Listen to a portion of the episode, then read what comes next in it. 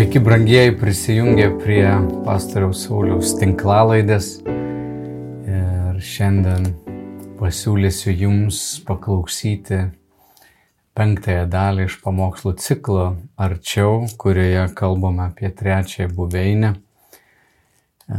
Visi, kurie esate linkę mokytis ir norit pažinti, kaip dvasia veda, tikiuosi rasite šitą medžiagą ir, ir mintis, kuriomis dalinuosi, tai ką išgyvenau, tai ką perskaičiau, tai ką mūsų broliai sesės prieš 500 metų išgyvena ir užrašė, visa tai gali būti naudinga mūsų ugdymui, pamokymui.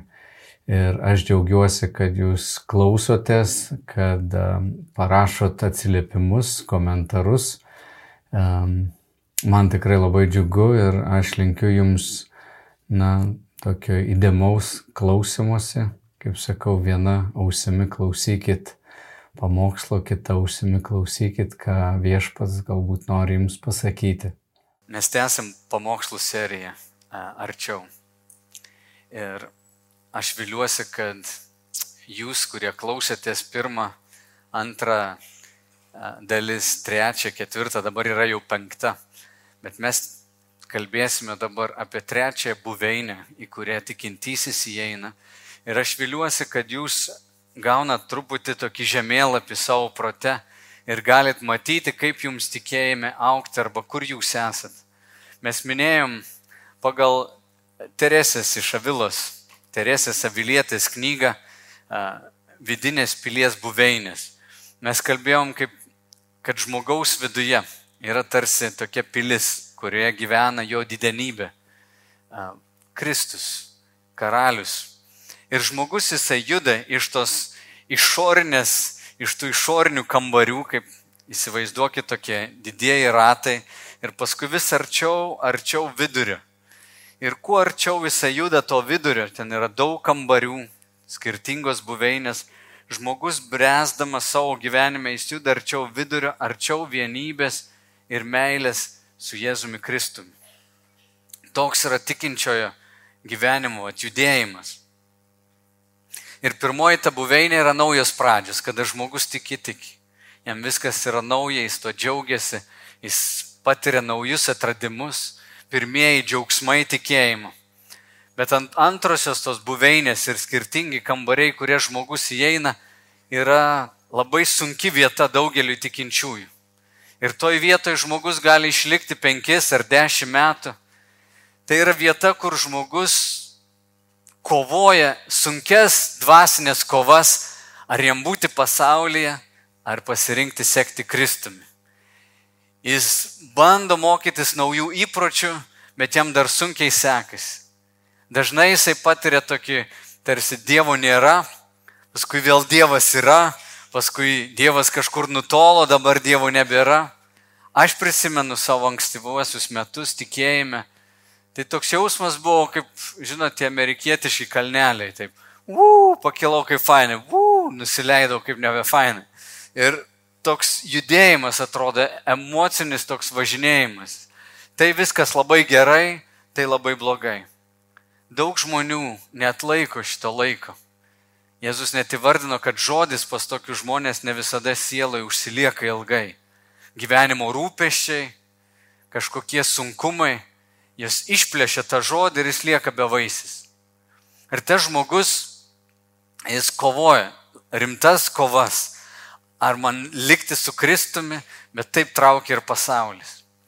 Bet trečia buveinė, apie kurią noriu kalbėti dabar, yra jau daug gilesnis brandos etapas tikinčiojo gyvenime, kada jisai jau yra patyręs Dievo gerumą, įsitvirtina Dievo pažaduose, jis reguliariai jau skaito žodį ir gali maitintis Dievo žodžiu pats. Jis yra išmokęs melstis, meldės jau truputį daugiau nei bendruose susirinkimuose su kitais, bet jau ir savarankiškai gali atsisėsti ar atsiklaupti, pasimelsti, supranta, kad jo kelionė yra jo atsakomybė. Šitie žmonės yra didelė dovana bažnyčiai. Nes tai yra žmonės, kurie jau pažengė truputį toliau ir randa jėgų, stiprybės tarnauti. jie jau gali kažką dėl kitų padaryti. Jeigu antroji toj būsenoje žmogus kažkur gal tarnauja truputėlį, bet jam daug dar samišio galvoje. Tai trečioji buveiniai žmogus pradeda aktyviau tarnauti. Įsitvirtina suvokimas, kad mano gyvenimas yra Kristaus. Prasideda toks gilesnis, samoningesnis sekimas Jėzumi. Skaityti Bibliją ne dėl kitų, bet dėl manęs. Melsis ne dėl kitų, ne dėl to, kad reikia, man to reikia. Prasideda sąmoningas, nuseklus ėjimas su juo. Tie žmonės yra aktyvūs, iš tikrųjų jie gali išlikti ilgą laiką toje buveinėje, kol jie nueis iki tolimesnių ketvirtos, penktos, šeštos, septintos buveinės. Bet kartai žmonės čia ir užstringa. Nes jie pradeda matyti jau sėkmę, jų tarnavimas sekasi labai dažnai, tai yra ir susijęs su žmogaus kelionė per gyvenimą. Tai nebus 13 metų berniukas, kuris įeis į tą buveinę. E, dažniausiai tai yra žmonės, kurie jau bręsta ir patys gyvenime jau pradeda duoti. Žinot, e, kol žmogus moksleivis ar studentas, jisai ima, ima, ima, paskui kai pradeda dirbti, ar ne, būtų tokia kaip atitikmuo, ar ne, jis pradeda daugiau jau duoti, daugiau tarnauti, jis išeina, susiranda savo darbą, jis jau turi žinių, jau kažką supranta ir jis gali prisidėti, kurti kažkokią vertę dėl kitų. Jis nebėra tik vartotojas, jis jau nori atiduoti. Ir tai yra labai sveikintina būklė. Iš tiesų žmonės labai produktyvūs būna nuo 25 metų iki 40, jie aktyvūs, jie turi daug energijos, gera sveikata ir jie juda, jie atiduoda, jie daug duoda. Paskui, kai sako 40, ten būna krizės žmonių gyvenime, pervertinimas, 50 gal vėl kita kažkokia krizė, vėl kitoks vertinimas. Bet šitoj trečioj buveiniai žmogus yra aktyvus. Aš paskaitysiu keletą ištraukų. Vieną iš Teresės knygos, štai ką jisai sako apie tą žmogų, kuris pasiekė trečią buveinę. Ką galime pasakyti tiems, kurie dėl Dievo gailestingumo laimėjo šias kovas ir ištvermingai įžengė į trečiasias buveinės. Ogi, kad laimingas kas viešpaties pagarbiai bijo. Iš tiesų pagristai jį pavadinsime laimingu, nes kiek galim suprasti, jis eina saugiu išganimu keliu. Ta žmogus jau eina saugiu išganimu keliu, jo jau taip nebeiš, nebeišmuš. Jis daug tvirtesnis, jį gali atsiremti, jo gali net kažko paprašyti. Gali pasakyti, ar galėtum paimti va šitą naštą, panešti. Ar galėtum patarnauti va dviem, trim žmonėm? Ar galėtum su savo patirtimi pasitarnauti? Ir toks žmogus dažnai pasakys, taip, man tai yra džiaugsmas. Toks žmogus pradeda dažnai savanoriauti bažnyčiai, maldomis, mokymu, užtarimu, padrasinimu. Bet kur, bet kur jis yra pasiruošęs duoti.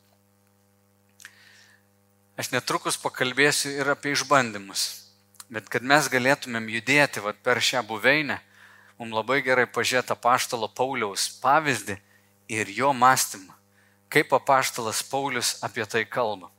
Laiškė filipiečiams trečiame skyriuje nuo aštuntos eilutės išgirskite, kaip Paulius sako. O taip, aš iš tikrųjų viską laikau nuostoliu ir dėl Kristaus Jėzaus mano viešpaties pažinimo didybės, dėl jo aš praradau viską ir viską laikau sąšlavomis, kad laimėčiau Kristų. Ir būčiau atrastas jame, nebeturėdamas savo teisumo iš įstatymo, bet turėdamas teisumą per tikėjimą Kristumi, teisumą iš Dievo paremtą tikėjimu, kad pažinčiau jį, jo prisikelimo jėgą ir bendravimą jo kentėjimuose, suaukčiau su jo mirtimi, kad pasiekčiau prisikelimą iš numirusių.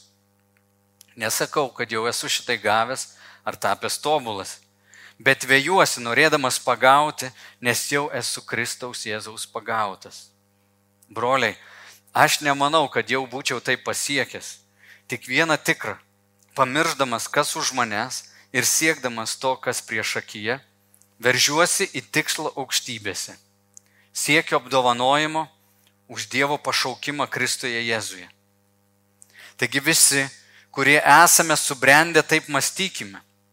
Jeigu jūs apie ką nors manote kitaip, tai Dievas jums ir tai apreikš. Kiek be būtume pasiekę, vadovaukime tą pačią taisyklę ir taip mąstykime. Broliai, būkite mano sekėjai ir žiūrėkite į tuos, kurie elgesi pagal pavyzdį, kurį matote mumise. Daugelis apie juos nekartą esu jums kalbėjęs ir dabar net su ašaromis kalbu, elgesi kaip Kristaus kryžiaus priešai. Jų galas pražutis, jų dievas pilvas, jų garbė gėda. Jie te masto apie žemiškus dalykus. Paštalas Paulius jau vėlesniai savo gyvenimo kelioniai rašo šį laišką filipiečiams, sėdėdamas kalėjime, būdamas prirakintas prie sargo, prie kareivio būdinčio. Ir jis rašo savo nuostatą, jis labai džiaugiasi, būdamas kalėjime, aš dėl jūsų, sako, džiaugiuosi filipiečiai.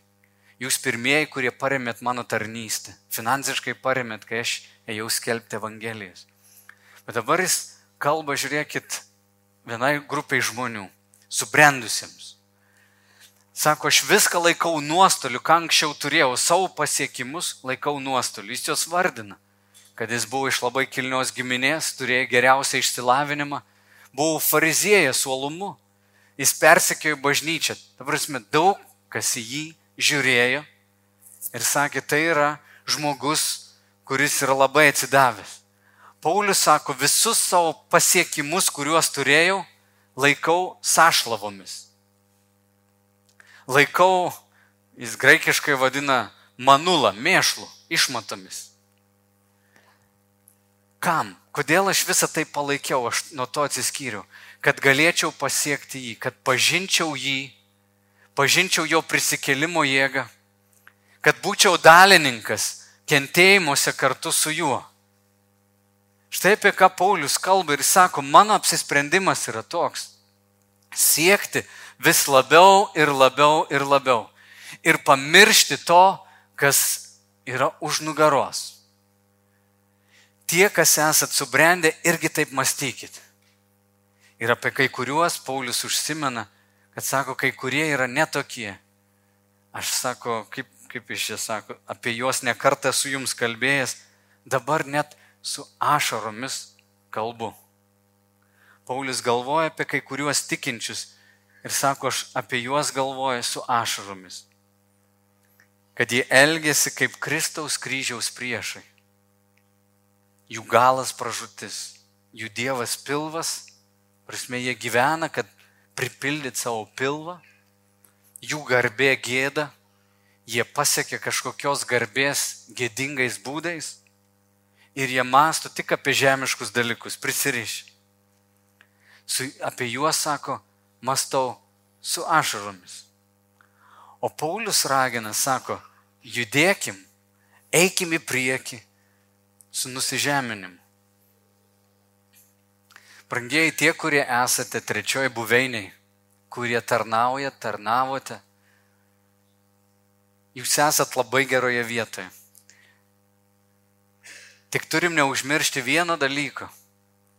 Niekada, niekada negali savo pasakyti, aš išmokau. Niekada negali pasakyti, aš žinau. Aš dabar tai jau tikrai viską suprantu. Kartai žmogus išmoksta vieną teologinę tiesą arba siaurą kažkokį teologinį tokį nu, supratimą išvysto savo gyvenime. Jis išgirsta kažką kitokio, truputį kitaip skamba, nuteisia, atmeta nes pats galvoja, kad jau viską gerai žino. Tai yra labai menkas pažinimas, kuris teisė kitus. Bet niekada gyvenime mes neteisim iki tokio taško, kad nuoširdžiai galėtumėm pasakyti, aš jau žinau, viską suprantu ir man nebereikia mokytis. Tai didžiausia kvailystė pasaulyje. Žmogus, kuris pasakė, aš viską žinau, yra nelaimingas žmogus nes jis nebepatirs progreso džiaugsmų, jis nebepatirs naujų pergalių ir jis yra vargšas. Paulius sako, visi, kurie subrendė taip mąstykit, tu nieko nežinai. Nieko tu nežinai. Jeigu reiktų pasilyginti su Dievu, tu nieko nežinai. Ir suprask, kad esi mažas. Suprask, kad esi mažas. Nusižeminimas yra didžiulė vertybė, jos nuolatos turime siekti. Nuolatos turime siekti. Štai kokie išbandymai ateina. Kai tu kažką esi jau pasiekęs, gal net turi išsilavinimą teologinį, gal perskaitai daug knygų, baigiai Biblijos mokyklą, kažkas mokotės čia LCC, jūs baigsit, jums atrodys, wow, aš jau tiek daug žinau. Tai tu net nepradėjai mokytis. Dauguma žmonių galvoja, kad aš naisiu į universitetą, išmoksiu kažką, išeisiu, tada jau nebereikia mokytis. Tu niekada nebūsi tinkamas įrankis Dievo rankose, jeigu nustosi mokytis. Mokytojas niekada nėra geras mokytojas, jeigu jis nustoja mokytis. Kiekvienas mokytojas turi mokytis nuolatos, visada iki gyvos galvos. Nežinau, mano pakeltas tonas labiau neįtikina.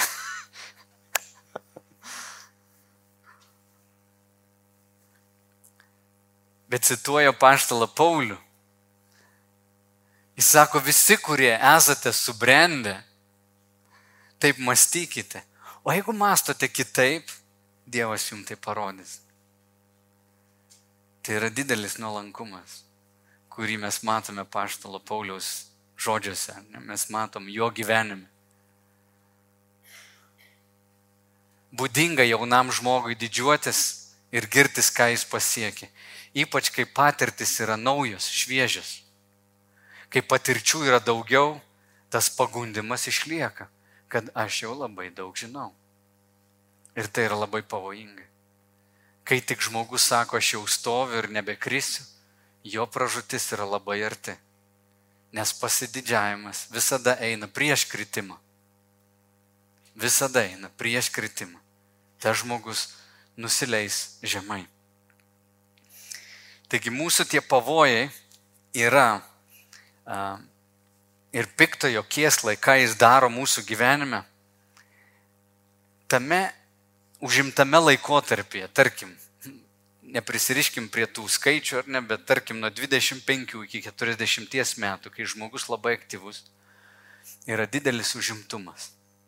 Užimtumas, manau, yra tikrai šio amžiaus stabmeldystė. Aš manau, kad žmogus, kuris neturi paraščių arba neturi laiko Dievui, yra stabmeldys. Jis garbina kažką kitką, bet ne Dievą. Jeigu Dievui laiko jis neranda, jis yra stabmeldys.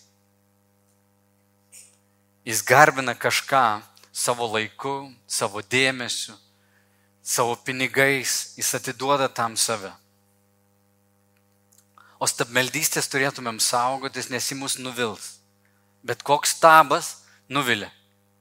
Nes stabas nėra Dievas, nėra visagalis, ar tai būtų darbas, ar garbė, kažkokie pasiekimai. Čia ne, nesuklyskim, neapsigaukim. Bet užimtumas. Kai mes esam užsijėmę, net užsijėmę dėl Dievo, galime atitrūkti nuo Jo. Tai kalbu iš savo patirties. Turiu daug metų ir dienų, kurių apgailestauju, kad buvau taip užimtas, kad nerasdavau laiko maldai, nerasdavau laiko reguliariai maldai. Ir suprantu, kad tai yra etapas. Kažkuria prasme to neišvengsi, tik vis tiek turi mokytis tame neužstrikti per ilgai. Yra būdinga žmogui, kuris mato savo dovaną, savo pajėgumą, galimybės, kaip Dievo palaiminimą, ir tai yra Dievo palaiminimas, save realizuoti, kažką kurti, statyti, daryti, kažką gero padaryti dėl kitų, tai yra didžiausias džiaugsmas.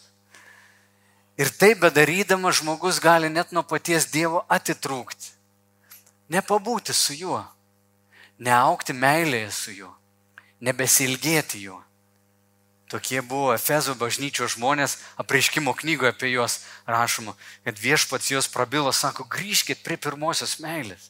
Aš žinau jūsų darbus, jūs daug gerų darbų darot. Grįžkit prie pirmosios meilės. Tai yra būdinga tiems, kurie yra labai aktyvūs. Mes turim grįžti prie to sąmoningo ryšio su Dievu. O kitas dalykas, kurį užsiminiau, yra išdidumas. Tomas Ešbrukas, kuris yra parašęs knygą apie buveinės irgi, jis sako, kad priešas bandys mums įrodyti, kad esame brandus, svarbus ir geresni už kitus. Žmogus, kuris yra trečioji buveiniai, labai dažnai papuls į tą bėdą ir pagalvos, kad yra geresnis už kitus. Kartais sutinki tikinti, kuris giriasi ir jaučiasi, kad yra aukščiau tavęs. Žinok, kad jis didžiuojasi. Jam reikės irgi nusižeminti. Kažkada jis turės nustoti tai daryti. Viešpats nori jį padaryti panašesniu į save. Kad jis nusižemintų. Bet priešas visada sakys, pažiūrėk, kiek tu padarėjai. Pasilygink su kitu. Pažvelk į kitą kitas tikrai taip nepadarė. Tu padarai daugiau, padarai geriau.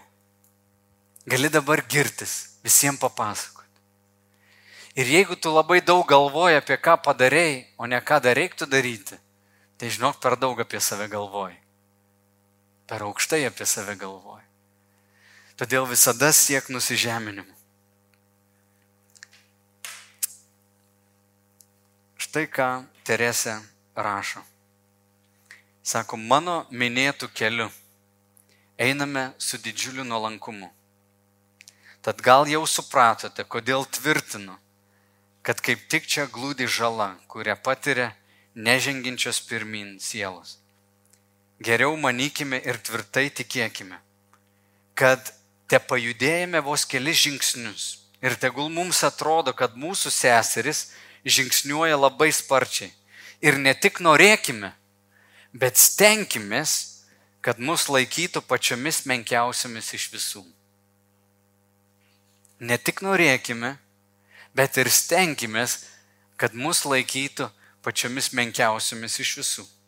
Jeigu turėsime tokio nuolankumo, ši buveinė bus kuo puikiausia. Tačiau jos tokodamos, joje praleisime visą gyvenimą tarp tūkstančio sielvartų ir vargų. Jei neatsižadame savęs, Čia smarkiai kamuojamės ir vargstame, nes einame apsunkintos skurdo, o jo atsikračiusios sielos pakyla į likusius kambarius. Čia Teresė sako, ir jinai yra vienuolė, jinai rašo se, sesėms savo seserims vienuolėms. Jinai sako, jeigu jūs nelaikysite save kaip menkiausiamis, nesieksit nusižeminti, Nedarysi to, ką paštalas Paulius rašė tame pačiame laiške filipiečiams. Kai sakė, būkite tokio nusistatymo kaip viešpats Jėzus. Laikykit vienas kitą aukščiau už save. Jis, nors būdamas Dievas, nesilaikė pasiglemžęs dievybės, bet nusižemino, kaip žmogus iki mirties ant kryžiaus. Jis nužengė pačią gėdingiausią vietą. Prasme, Jėzus nusprendė numirti labai gėdinga mirtimi. Tai buvo gėdingiausias būdas numirti. Jeigu tau paskiria nukryžiavimo mirti, vadinasi, tu, nusipel... tu esi toks baisus recidivistas, tu esi toks baisus žudikas, toks didelis kenkėjas, kad tau šitas būdas yra vienintelis atkeršyti už visą blogį, kurį padarėjai. Jėzus pasidavė, kad jį taip nukankintų. Tas būdas toks žiaurus buvo, kad 300 metais romėnai panaikino jis. Istorikai rašo, tai žiauriausias būdas, kurio žmogus galėdavo mirti. Iškabėti ant kryžiaus dieną ar dvi, dusdamas kančioje, agonijoje. Bet Jėzus pasėmė tą gėdą ir sako, jūs pasirinkit irgi tą kelią. Mokytis, mokytis, mokytis, eiti žemyn. Ir jis sako, ne tik norėkite, norėčiau būti menkiausias ar žemiausias, bet ir stenkitės, Stenkitės, kaip patarnauti, kaip pažiūrėti. Nes jeigu mes savęs neatsižadėsime, liksime šitoj buveiniai, kaip jinai sako, visą savo gyvenimą. Vargsim. Ir kartais žmogus, kuris yra apimtas savo puikybės, jis iš tikrųjų labai daug kankinas. Labai retai sutiksi žmogų, kuris toks būtų laimingas, jis siekia kažko, arba žmogus, kuris yra stabmeldys. Visą laiką neužtikrintas, jis vis kažkur veržiasi, vis kažko jam trūksta vis nepatenkintas. Kaip apie milijonierius kartais sako. Turtingas žmogus ne tas, kuris daug turi, o tam, kuriam mažai trūksta. Žmogus kartais daug turi, bet jam dar daugiau trūksta. Žmogus, kuris gal nieko neturi, irgi gali būti tokioj pat būklei ir jam vis trūksta. Bet nusižeminimas veda mus į pasitenkinimą. Ir visa tai, ką kalbu šitoj kelioniai, niekas neprilygs džiaugsmui, kurį teikia pats Jėzus. Nes turėdami jį, turime viską, ko mums reikia. Kada žmogus yra pasitenkinęs Jėzumi, jis turi viską, ko jam reikia. Štai dar vienas svarbus įrankis mūsų augime. Ir čia noriu uh, vėlgi jūsų dėmesį atkreipti. Paskaitysiu, ką Teresė rašo. Man atrodo, kad toms sieloms, kurios iš Dievo gerumo pasiekė šią buveinę, kaip sakiau, čia jų labai pasigailėjo, nes visai nedaug bereikia, kad pakiltų aukščiau. Labai praverstų mokytis greitai paklusti. Būtų labai naudinga, jeigu darytų, kaip daro dauguma žmonių. Pasitartų su kuo nors, kad niekur nesivadovautų savo valia. Nes dažniausiai šitaip savo ir pakenkime. Tik tegul neieško žmogaus, kuris būtų tokio būdo kaip jos, nes tai yra toks pat atsargus žmogus. Verčiau tesikreipia į tą, kuris yra labai gerai perpratęs pasaulio dalykus. Bendravimas su gerai juos išmanančiu žmogumi padės mums pažinti save. Ji kalba apie palidėtoją, apie mentorių, žmogų, kuriam tu gali atsiverti šitoj buveiniai, kada mes esame jau daug ko pasiekę, labai svarbu turėti mentorių. Ar tu turi žmogų, kuris tave pamoko? Ar tu esi nuėjęs pas kažką paprašyti pagalbos? Kai darai svarbius sprendimus, ar tu paklausi žmogaus, kuriuo pasitikė, kaip tau atrodo? Ar aš čia nevykdau savo kažkokių užgaidų? Kaip iš šono tau visą tai atrodo? prašyti pagalbos reikia nuolankumo. Išdidus žmogus niekada neprašys pagalbos. Išpuikusiam žmogui atrodo, kad jis viską žino ir supranta. Todėl jis niekada neina ieškoti pagalbos. Jeigu tu esi toks savarankiškas, kad tau nebereikia jokios pagalbos, gal nesi jau toks ir išmintingas. Nes taip, vykdydami savo valią ir tik savo užgaidas, galim lengvai savo pakengti. Todėl dvasiniai kelioniai taip yra Dievas sudėliojęs, kad tikinti žmonės turėtų palydėtoją, turėtų vyresnį mokytoją. Paulius jis sako, sekite manimi, tai ką mes perskaitėm, sekite manimi ir sekite kitais žmonėmis, kuriuose matote pavyzdį, kurį matote ir manyje. Sekite jais. Susiras žmogų, kuris yra dvasiškai subrendęs, pažiūrėk, ar tau patinka jo gyvenimas, ir pradėk kopijuoti tą gyvenimą. Mokykis iš jo. Užduok jam klausimus. Nueik pasiklausti pas jį. Taip tu palydėsi save per gyvenimą ir išvengsi įvairių klaidų. Jeigu tu neklausi, tik atrodo, tu viską žinai, vėlgi lengvai pasiklys. Noriu užbaigti šį pamokslą, kalbėdamas trumpai apie mokymosi pratybas. Richardas Fosteris, kuris parašė knygą Dvasinės pratybos gyvenimo džiaugsmui. Iš tikrųjų fantastinė knyga. Duoda nuostabius, nuostabius patarimus apie mokymas. Jis cituoja apaštalą Paulių, vėlgi laiškas filipiečiams. Apaštalas Paulius sako štai, kad pagaliau broliai, mąstykite apie tai, kas tikra, garbinga, teisinga, tyra, mylima, giriama apie visą, kas dora ir šlovinga. Broliai, pagaliau, baigiu viską, sako, dabar noriu, kad jūs išmoktumėt mąstyti apie tai, kas yra teisinga, tai, kas yra giriama, tai, kas yra šlovinga. Apie tai noriu, kad jūs išmoktumėt mąstyti.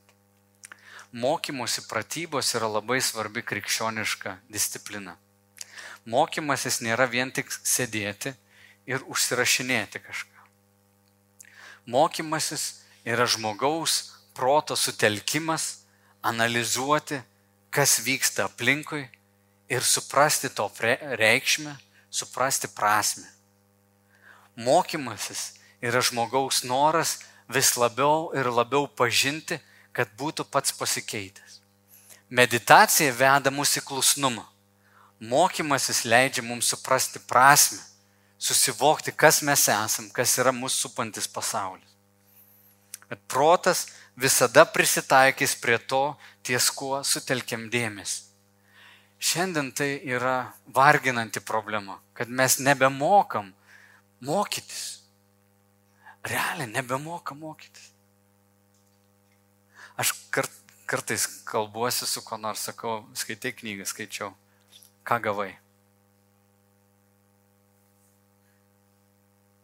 Nieko. Neatsimenu nebėra įgūdžio mokytis. Mokytis reikia, kad išmoktum, arba turi mokytis, kaip čia dabar pasakyti, mokytis, mokytis.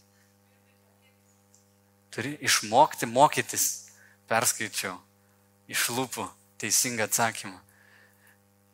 Mes turime išmokti mokytis. Ir tai nėra lengvas dalykas aš grįžtu vėl ir vėl prie to paties. Šiandien mes turim tiek informacijas, kokios žmonės niekada neturėjo. Taip arti savęs. Niekada. Mūsų pasaulis per internetą yra taip sujungęs visus, kad mums bet kuri toliausiasia pasaulio vieta yra labai arti. Šiandien tu gali pasimokyti, kaip džiunglėse kiaušinienė kep. Jeigu nori, tik įvesk. Tik aš tavęs noriu paklausti, ar tau reikia žinoti. Bet jeigu kas įmes į Facebooką, tai reikia žinoti. Niekas to net nebebejoja. Jeigu jau viešai kažkas įmetė ir atsidūrė prieš tavo akis, tai reikia žinoti ten taip protingai padaryta, kad anksčiau taip nebuvo Facebook'e. Bet kai eini anksčiau video neprasidėdavo, reikdavo paspausti. Dabar eini, video jau sukasi. Ir tave įtraukia. Štai ką Richardas Fosteris moko apie mokymasi. Keturi dalykai apie mokymasi. Pirmas, kas yra labai svarbu - kartojimas įsišaknyja mąstymo įpročiai formuojasi pasitelkiant kartojimą. Taip keičiasi ir elgsina. Pirmas dalykas. Aš noriu paklausti tavęs, kiek kartų tu kažką kartoji, kad tikrai tai išmoktum. Aš susiduriu savo prote ir matau aplinkui lygiai tą patį. Žmogus perskaitė vieną kartą jo išvadą, žinau. Tai yra melas tu nežinai. Kartojimas leidžia mums primti žinias, kad jos pradėtų keisti mūsų vidinį balsą. Ir jeigu žiūrėsi žmonijos istoriją, žiūrėsi religijų istoriją, tu pamatysi visur kartojimą. Žydams. Visada skaityk Senąjį testamentą, kartokit, kartokit per metus daug kartų yra kartojama, šventės, tos pačios psalmės. Mes dabar pradėjom katekizmą naujasis miesto katekizmas, kurį išleidom, mes kiekvieną savaitę po vieną klausimą imam šeimoje, mes skaitom su savo šeima, su vaikais. Aš galvoju, dabar vaikai dar žiovauja, jiems dar neįprasta. Bet kai penkiametis bus penkiolikos metų ir penkioliktą kartą skaitys, jo viduje bus toks pamatas, kurio neišmuši paskui. Nes tai yra radikalios mintis, kurios priešingos to, kas sukasi aplink mūsų pasaulį. Mintis, kurios yra tokios stiprios, amžių patikrintas, kad trumpi kvaili dalykai nebegali išmušto žmogaus. Ir yra verta kartoti ir kartoti ir kartoti. Kokia kvailystė yra galvoti, kad aš perskaičiau, jau girdėjau ir aš jau žinau. Taip nieko neišmoks. Todėl turim kartoti. Kitas dalykas - susikaupimas, minčių nukreipimas viena linkme. Vėlgi šiandien sudėtingas dalykas. Susikaupdami išmokstam kur kas daugiau. Išsiblaškydami švaistom energiją. Žmonės šiandien tyloj nebepabūna. Brangiai, jeigu tu namuose grįžęs negali neįs, pabūti neįsijungęs teliko, tau reikia jau gydytis. Tu gyveni chaose. Ar jūs žinot, kad dabar jūs sėdėdami, jūsų smegenis užfiksuoja apie 900 informacijos dalykų per vieną sekundę. Išgirskit, per vieną sekundę. Tavo sąmonės protą pasiekia tik keli dalykai. Tu atsirenki. Pavyzdžiui, daug kas iš jūsų negalvojate iki šios minutės, kol nepasakiau, ar minkšta tavo kėdė, kokia yra minkšta tavo kėdė. Daug kas iš jūsų nepagalvojate apie temperatūrą. Daug kas negalvojat, koks čia degonės kiekis. Kai kurie negalvojat, ar lyja ar nelyja. Bet visa tai jūsų kūnas reaguoja. Jūsų kūnas jaučia, ar lyja, ar nelyja. Jūsų smegenys labai daug ką fiksuoja. Vėlgi informacija skraido aplinkui, bet kad tu kažką išmoktum, turi išmokti sutelkti dėmesį, tai yra nukreipti mintis viena linkme. Paklausyk atidžiai. Tai yra, ko turi mokytis. Nukreipti mintis viena linkme, susikaupti, susitelkti ir kartoti kažką ir išbūti viename dalyke yra geriau negu pabūti paviršutiniškai dešimtyje dalykų. Geriau, tikrai yra geriau. Tre, trečia e, pakopa mokantis yra supratimas. Kai mes sutelkiam dėmesį, įgyjam supratimą arba tiesos pažinimą. Ne tik žinojimą apie tiesų, bet gilų jos suvokimą. Tai yra tie vadinami apreiškimo arba aurekos, aureka momentai. O taip mes pradedam suvokti tikrovę. Aš jums jau sakęs, kad kažkada skaičiau rabinų mokymą apie mokymasi. Žydai, nežinau ar visi, bet taip mokoma. Čia yra žmogaus širdis. Ant žmogaus širdies per atmintį, per susitelkimą, per kartojimą yra sudedamas Dievo žodis, Dievo žodžio tiesos. Jos guli ant jo širdies, žmogus vis masto, masto, masto, jos guli labai giliai, jeigu tu pasakytum, ar gali man ką nors apie tai pasakyti. Žmogus iš karto atsimins, okei, okay, jo, galiu. Ir karts nuo karto ateina supratimas, gilesnis suvokimas, kada širdis prasidaro taip, plum, mintis įkrenta, širdis užsidaro ir ta mintis lieka su tavim visą gyvenimą. Jis yra saugiai paslėpta. Pamenat apie Jėzaus motiną Mariją, buvo pasakyta, jinai klausės tų žodžių ir dėjos giliai į širdį. Jinai neužmiršo, jinai klausėsi žodžių pranašystės, kas įvyks, viską sudėjo labai giliai. O kiek pranašyšių tu jau užmiršai? Kiek pamokslas užmiršęs? Kiek knygų esi perskaitęs ir nieko neatsimeni? Kiek informacijos esi gavęs ir jeigu šiandien kas paklaustų ar pameni, tai negali nieko pacituoti. Nieko neatsimeni. Nes girdėjai vieną kartą, patiko ir dingo. Tai yra kaip Jėzus sakė, pasėjom sėklą, atėjo piktas įsipaėmė. Su džiaugsmu taip. Oh, kokios fainos žinios. Išėjai taip. Kas ten buvo? Nebepamenu. Tai va, mokymosi procesas, tu kartoji, kartoji, kartoji, mintise jau yra, sutelki dėmesį, ateina supratimas. Ketvirtas dalykas yra apmąstymas. Jis padeda suprasti reikšmę. Mes pradedam matyti iš Dievo perspektyvos. Apmastom. Ilgas procesas. Vėlgi. Nusižeminimas yra būtina sąlyga tam, kad galėtų mokytis. Be nusižeminimo nieko tu neišmoksi. keli žodžius pasakysiu apie knygas užrašytas ir nerašytas. Aš baigiau vidurinę neperskaitęs nei vienos knygos. E, neklauskit kaip. Čia praeitis, kurią užmiršau beveik. Todėl noriu susitapatinti, jeigu nesiskaitys knygų. Bet šiandien turiu pasakyti, knyga yra kaip brangiausias draugas, kurį labai lengvai gali turėti savo gyvenime. Knyga yra didelis turtas. Knyga yra užrašyto žmogaus patirtis.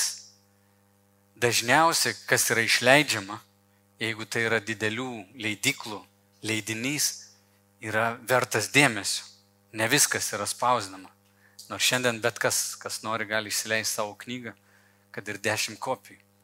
Bet aš kalbu apie knygas, kurios um, yra atlaikiusios dešimtmečius arba šimtmečius netgi. Jos yra vertos dėmesio, nes ten yra gili patirtis. Žmogus, kuris neskaito knygų, niekada nebus gilus žmogus. Visą laiką čiuoš per paviršių. Va toks bus. Bet knygas skaityti irgi reikia išmokti. Knygas, knygos, kurias aš atsimenu, perskaitau tris arba keturis kartus. Knygų, kuriuo aš neatsimenu, perskaitau vieną kartą. Vėlgi tarp mūsų turbūt labai paplitę yra žmogus perskaito knygą vieną kartą, sako viskas. Romaną gal taip galim, laikraštį gal taip galim, bet yra knygų, nu, kurios vertos apmąstymų.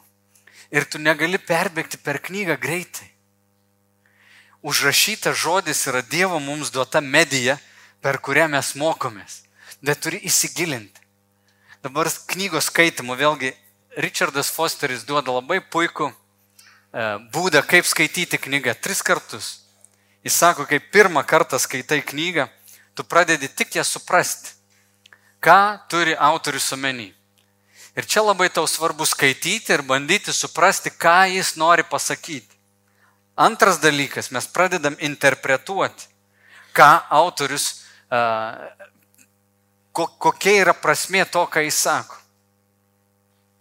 Pirmas, mes išgirstam, ką jis sako, paskui sakom, kokia yra tai reikšmė man, kitiems. Ir trečias dalykas, mes vertinam knygą, tai yra nusprendžiam pažiūrėti, Ar jis tiesą sako, ar netiesą sako. Štai kaip aš matau mokymosi procesą pas daugelį tikinčių. Jis žino kažkokią tiesą, ateina su savo akiniais, užsideda tos sakinius, pradeda skaityti ir pirmas dalykas yra vertinimas. O, ne, čia nesąmonė. Ir jis tai atmeta. Daug žmonių turi tos akinius ir neturi nusižeminimo. Jų patirtis yra jų Dievas. Jeigu tai netitinka jų patirties, jų įsitikinimų, šlamštas. Ir atėję pirmą kartą skaitydami net nebando suprasti, ką autorius kalba. Net nežino, ką jis turi omeny, kad galėtų paskui vertinti ir pasakyti, man atrodo, čia ne visai teisinga. Buvo berėjos gyventojai, kurie klausėsi paštalo Pauliaus ir išgirdė jo pamokslus, jie nuėjo namo, atsivertė raštus sako, pa, pažiūrim, ar tai, ką jis kalba, yra tiesa ar ne.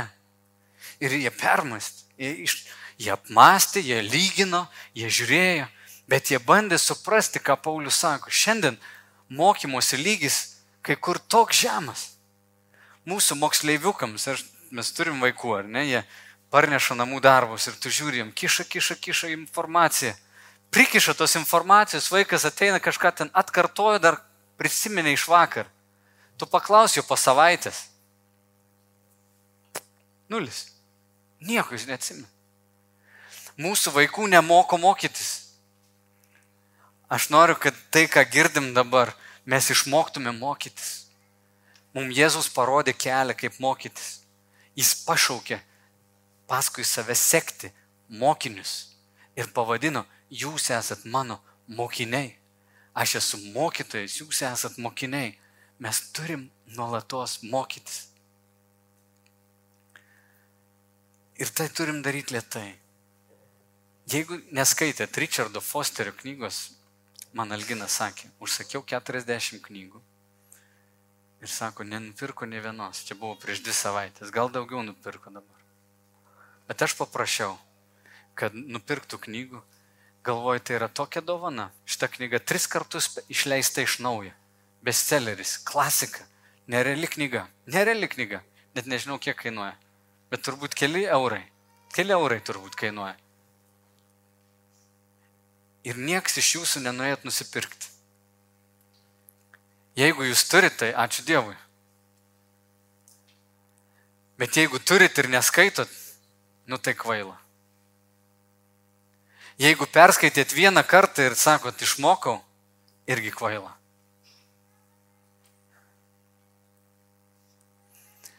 Aš jau knygą nežinau, kiek kartų esu perskaitęs, bet aš neperskaičiau tos knygos tik šiaip savo. Aš ją taikau. Aš noriu išmokti. Aš noriu išmokti pasnikauti. Nežinau, kiek metų vat, mokaus pasnikauti. Pradžio labai sunkiai sekdavosi. Pasnikauti, visiems pasipasakoju, išsigiriu. Mokaus melstis. Tik koks atsakymas ateina ir kažkaip vėl visiems pasipasakoju. Pasigiri. Galvoju, wow, o kiek aš galiu save pažinti, žiūrėk, ir čia giriuosi, ir čia giriuosi. Viešpatie, koks aš menkystę. Kiek man dar mokytis ir mokytis. Ir suvoki, nei to nemoku, nei to nemoku. Vėl skaitau. Ir šito neišmokau. Kelintą kartą skaitau. Skamba. Nieko, viduj. Tuščia. Nieko nepritaikiau. Tokia gėda apima. Realiai galvoju ir pastorius, nevertas aš pamokslauti, nevertas kažką mokyti, nes pats neišmokau. Vėl gėda apima, atsiklaupi viešpatėje, pasigailėk manęs. Nes kažką mokau, kitus mokau, pats neišmokau. Viešpatė, pasigailėk manęs. Nenoriu čia likti, nenoriu būti kvailas ir galvoti, kad viską žinau. Prisimenu tas akimirkas, tas dienas, kai smerkdavau kitus Nebenori ten būti. Ne vieno žmogaus reikėjo įti atsiprašyti. Aš atsiprašau. Blogai apie tave kalbėjau. Nes nesupratau ir ne mano vieta teisti. Kai tai įvyksta, tada sakau viešpatį, dėkoju dabar tau. Aš kažką supratau. Kažko tu mane išmokė. Nes aš galėjau nueiti atsiprašyti. Ačiū tau kai nueinu paprašyti kieno nors pagalbos, anksčiau to nedarydavau. O viešpatė, tu vėl kažko išmokė. Ačiū tau. Mane pamokė paprašyti pagalbos. Dabar, kai kažką reikia daryti, visada prašau pagalbos melstis. Aš pasimelsk, prašau pasimelsk. Nes nebenoriu pats vienas savo kažką daryti. Ir nenoriu savęs apgauti. Taigi, kas esate trečioje buveinėje, tai yra dar daug, daug daugiau, kas mūsų laukia. Jeigu tu nusivyliai, tarnavai, tarnavai, dar turiu vieną dalyką pasakyti. Labai svarbų dalyką, nes jaučiu, kad daugam iš jūsų reikia išgirsti. Kas esate trečioji buveinė, dar koks dalykas įvyksta. kai mes jau tiek daug žinom, turim savo tokio, nu, patyrimo. Dievas nori vesti mus giliau. Ir jis sako, yra daug daugiau. Ir jis duoda tokį gilų nepasitenkinimą viduje. Tas nepasitenkinimas, kad man nebeužtenka to, kas čia yra. Būna toks gilus, kad žmogus laukia tik Dievo dar labiau Dievo, dar labiau Dievo. Tai yra jo dovana nuvesti mus giliau į vienybę su juo, į gilesnį meilės pažinimą. Kad pradėtume ilgėtis jo, leisti laiką su juo. Tai yra nuostabus dalykas. Bet turiu perspėti dėl vieno, kad kai tai vyksta, tie, kurie nežino, jog tai yra Dievas, kadangi tai būna ir toks negatyvus pojūtis, kad man kažko trūksta, aš nesu gal pakankamai tinkamas. Kai kurie priima tai kaip kaltę savo. Ir žiūri į aplinką ir mato, kad negauna to, ko norėtų, pradeda nusivilti kitais tikinčiais, net pačia bažnyčia. Čia labai pavojinga vieta ir labai ryški šetono strategija. Jis sako, aš noriu daugiau, man nebeužtenka tokių gesmelių tenais, žinai. Dievas geras man, Dievas geras man. Aš noriu kaž, aš noriu daugiau, aš noriu eiti giliau. Man nebeužtenka taip, aleliuja, viskas fainai. Ir jie žiūri tą pirmos buveinės krikščionių. Kai iš čia džiūgau, iš tikrųjų viskas yra daug sudėtingiau, daug sunkiau. Ir nuteis. Būna nepasitep, bažnyčia paviršutiniška aplinkui mane žmonės irgi negilus. Ir pradeda teisti, ir čia yra vėlgi suklupimo akmuo kai kuriem. Nes tie žmonės kartais išeina iš bažnyčios ir palieka bendrystę. Nes jiem nebėra gilių jau. Suprask vieną, kad Dievas traukia tave į gilesnį santykių su savimi. Tik problema ne žmonės aplinkui, ne ką bažnyčia gerai daro ar blogai, bažnyčia yra tokie pat žmonės kaip ir tu. Ar tai būtų pastorius, ar tai būtų tarnautojas koks savanoris, kas tai bebūtų. Tai yra tik žmonės, kuriuose gyvena Dievo dvasia. Ir čia negalim suklupti, va šitoj vietoj turim labai pasisaugoti. Kai jauti nepasitenkinimą, žinok, tai yra jo meilės kvietimas. Ateik susitikti su manimi. Nesvarbu, kad kiti neina. Kiek vargo dienų aš esu praleidęs tame kiek vargo dienų. Kai aš žiūrėjau į kitus ir kodėl jūs neinat? Buvo laikas, kada aš vadovavau ir mano brangus brolis padėjo man labai išeiti iš to. Elgis buvo vyresnysis ir aš taip vedžiau bažnyčią. Einam visi, einam ten, visi. Nu, ko jūs neinat? Kodėl tu nesimeldi daugiau? Kodėl tu to nedarai? Kodėl to nedarai? Kodėl to nedarai? Einam visi tą pusę, mums reikia ten nueiti. Ir visi stovi čia, žingsnį nuo manęs taip atsilikę. Sako, ko tu neini? Aš sakau, aš neinu, nes jūs neinat. Jeigu jūs eisit, aš irgi eisiu. Ir man labai brangų žodžiai buvo. Sako, tu nustoji vesti. Ta prasme, tu pats niekur neini. Tu kalbi, ką reiktų daryti, O tas viduje nepasitenkinimas pavirto mano kaltinimu kitiem. Aš į depresiją jau, man vyresniai uždraudė į ofisą eiti. Sako, neik į bažnyčios ofisą dvi savaitės. Aš jums pasakiau, jūs išprotėjot, viskas subirės, viskas sugrius, jeigu aš netarnausiu. Ir pirmą savaitę jau, taip pikau, ėjau, ėjau.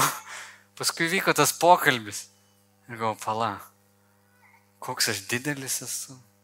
Aš jau viską valdau. Jeigu aš neįsiu kažkur, viskas sugrius. Įsivaizduojat, bažnyčia sugrius, pasaulis pradės birėti. Ir va čia reikėjo taip parklupti ir pabusti iš tos depresijos. Ir išėjęs su pabarimu, ne su paguoda, ne, oi, tau viskas gerai, tu toks mielas, tu taip gerai, čia tiek daug dirbi. Man reikėjo sustoti. Viešpats, stok, stok, stok. Ir va šitoj vietoje ačiū Dievui iš brolius, kurie mane palaikė ir pasakė tau, netvarkoj, galvoj, tu, tu darboholikas, atsipalaiduok, neik į darbą. Dvi savaitės liepė neiti į darbą. Aš kaip visi lietuviai nuėjau į darbą. Ir tik po savaitės sustojau. Brangieji, sustokit, kurie einat, sustokit. Jeigu užimti ir lėkit, sustokit. Jėzus nori vesti jūs toliau. Ką bedaryčiau, pamokslas visada gaunasi ilgas. Niekas neužmigot. Ok. Pavojus yra, kai ilgai kalbi, sako, kur daug žodžių, ten daug ir nuodėmės. Tai kartais ilgai pamokslaudamas gali ir nusikalbėti. Aš tik jaučiu, kad tai yra svarbu žodžiai mums ir kad jums darosi aiškiau toj tikėjimo kelionė. Kitą sekmadienį noriu kalbėti apie ketvirtą buveinę. Tai yra saldus, gražus dalykai. paskui penktą, šeštą. Kalbėsiu apie tai, ko nežinau. Dabar kalbu apie tai, ką žinau. Ir dar vieną pamokslą noriu pasakyti apie tamsią sielos naktį. Irgi labai svarbus dalykas, kaip viešpats mus veda. Apie tai mažai kalbama. Tai dar būsim šitoje serijoje pamokslo truputį ilgiau. Aš tik matau, kad viešpats labai mūsų išsilgęs ir labai mus myli. Labai mus nori prie savęs pritraukti. Um, pakviesiu visus atsistoti.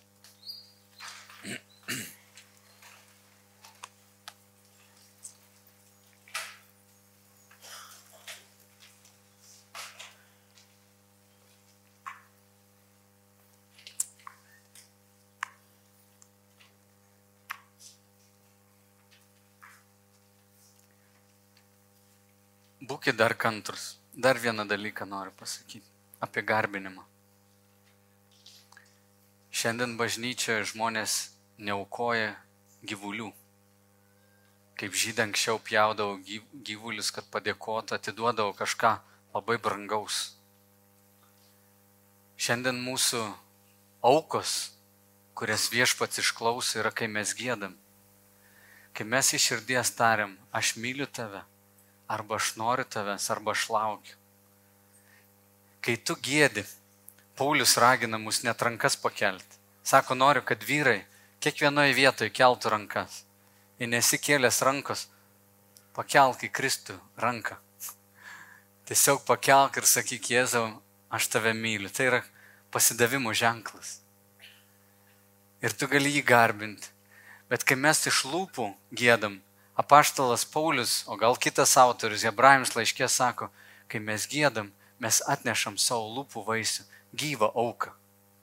Tai yra mūsų sąmoningas tarnavimas. Čia ne dėl to, kad dabar gėdosim, bet šiaip, kai gėdam, aš tiesiog norėjau pasinaudoti progą. Šlovintai bus dėkingi man.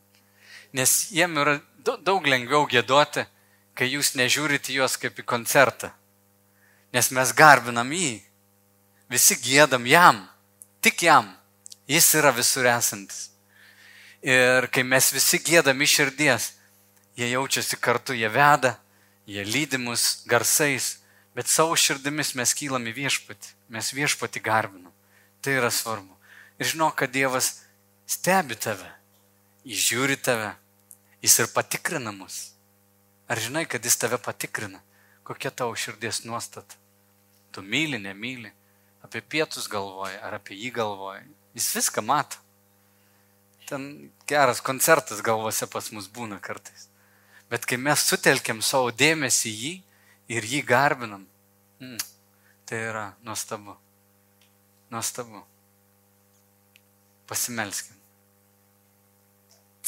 Viešpatie, tu parodai mums mokinystės kelią ir tik tu vienas mus per tas buveinės vedi. Aš vis užmirštu pasakyti Jėzau, kad kai mes pabūnam tavo akivaizdai, niekas nepripildys didesnių džiaugsmų negu tu. Jėzau, įvesk mus į tą džiaugsmą, bendrystę su tavimi, vesk kaip bažnyčia vis giliau ir giliau į didelį džiaugsmą su tavimi. Palidėk viešpatė mus. Mes atnešam tau giesmes, atnešam tau save, savo laiką Ir šią savaitę pašvenčiam tau. Tai ką darysim, kur eisim, savo darbus, savo vaikus. Pašvenčiam viešpatė tarnystę, kurią turime pasaulyje. Kad būtumėm šviesa tamsoje, kad būtumėm druska ten, kur nebėra surumų, kur, kur tamsos nuodėmės pilna, ne kaip teisėjai, bet kaip pavyzdys, patys būdami druska. Kristau, keisk mus, keisk mus, keisk mus mokyk susikaupti, mokyk mūsų telkti dėmesį, mokyk mūsų suprasti. Ir labiausiai, tėve, prašom nuolankumo. Tu mūsų ragini žemintis ir ateiti visada nusilenkus prieš tave. Bet prašom ir tavo malonės, nes be tavęs Dieve, suprantam, širdis nepasikeis. Todėl savo širdis pavedam į tavo rankas. Per Jėzų Kristų mūsų viešpati meldžiam. Amen.